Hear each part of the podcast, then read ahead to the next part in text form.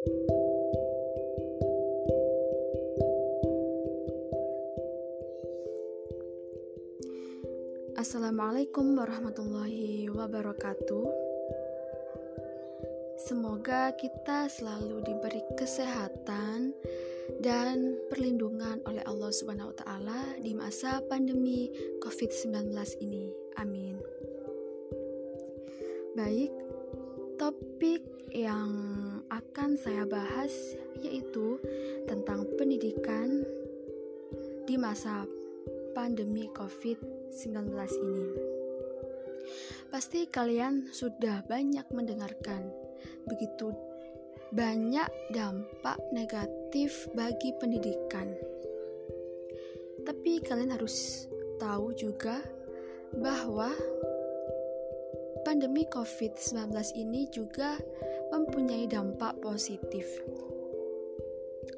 Pandemi COVID-19 yang dinilai membawa begitu dampak negatif, ternyata juga membawa dampak positif bagi dunia pendidikan. Dampak positif ini dapat memotivasi untuk melewati masa-masa sulit agar tetap fokus meraih tujuan pendidikan Indonesia yang lebih maju. Dampak positif yang kita rasakan yaitu munculnya kreativitas tanpa batas. Selama pandemi COVID-19 ini membuat ide-ide baru bermunculan, baik itu dari mahasiswa maupun para dosen, ataupun siswa-siswi dan guru-guru. Ide-ide kreatif mereka dituangkan pada karya-karya atau hanya untuk hiburan semata. Ya, seperti halnya mahasiswa sekarang yang lebih kreatif dalam hal editing, editor ataupun hal-hal yang berbau-bau mengedit gitu ya. Entah itu mengedit foto, video, buku dan sebagainya. Dan hal tersebut tidak hanya untuk hiburan atau lucu-lucuan saja ya, tapi bisa juga dijadikan mata pencarian bagi mereka banyak sekali keuntungan yang mereka dapatkan.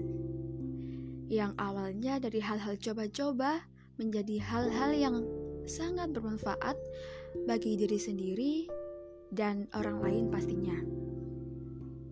Dan tidak hanya dan tidak hanya itu kreativitas kreativitas mahasiswa yang ditunjukkan, tetapi masih banyak lagi karya-karya atau kreativitas mereka lainnya, kreativitas anak bangsa lainnya yang sangat menarik dan bermanfaat yang seharusnya uh, diekspor dan dikembangkan lagi.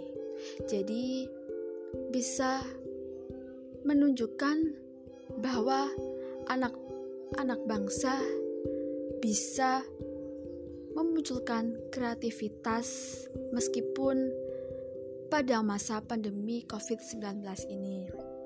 Gitu.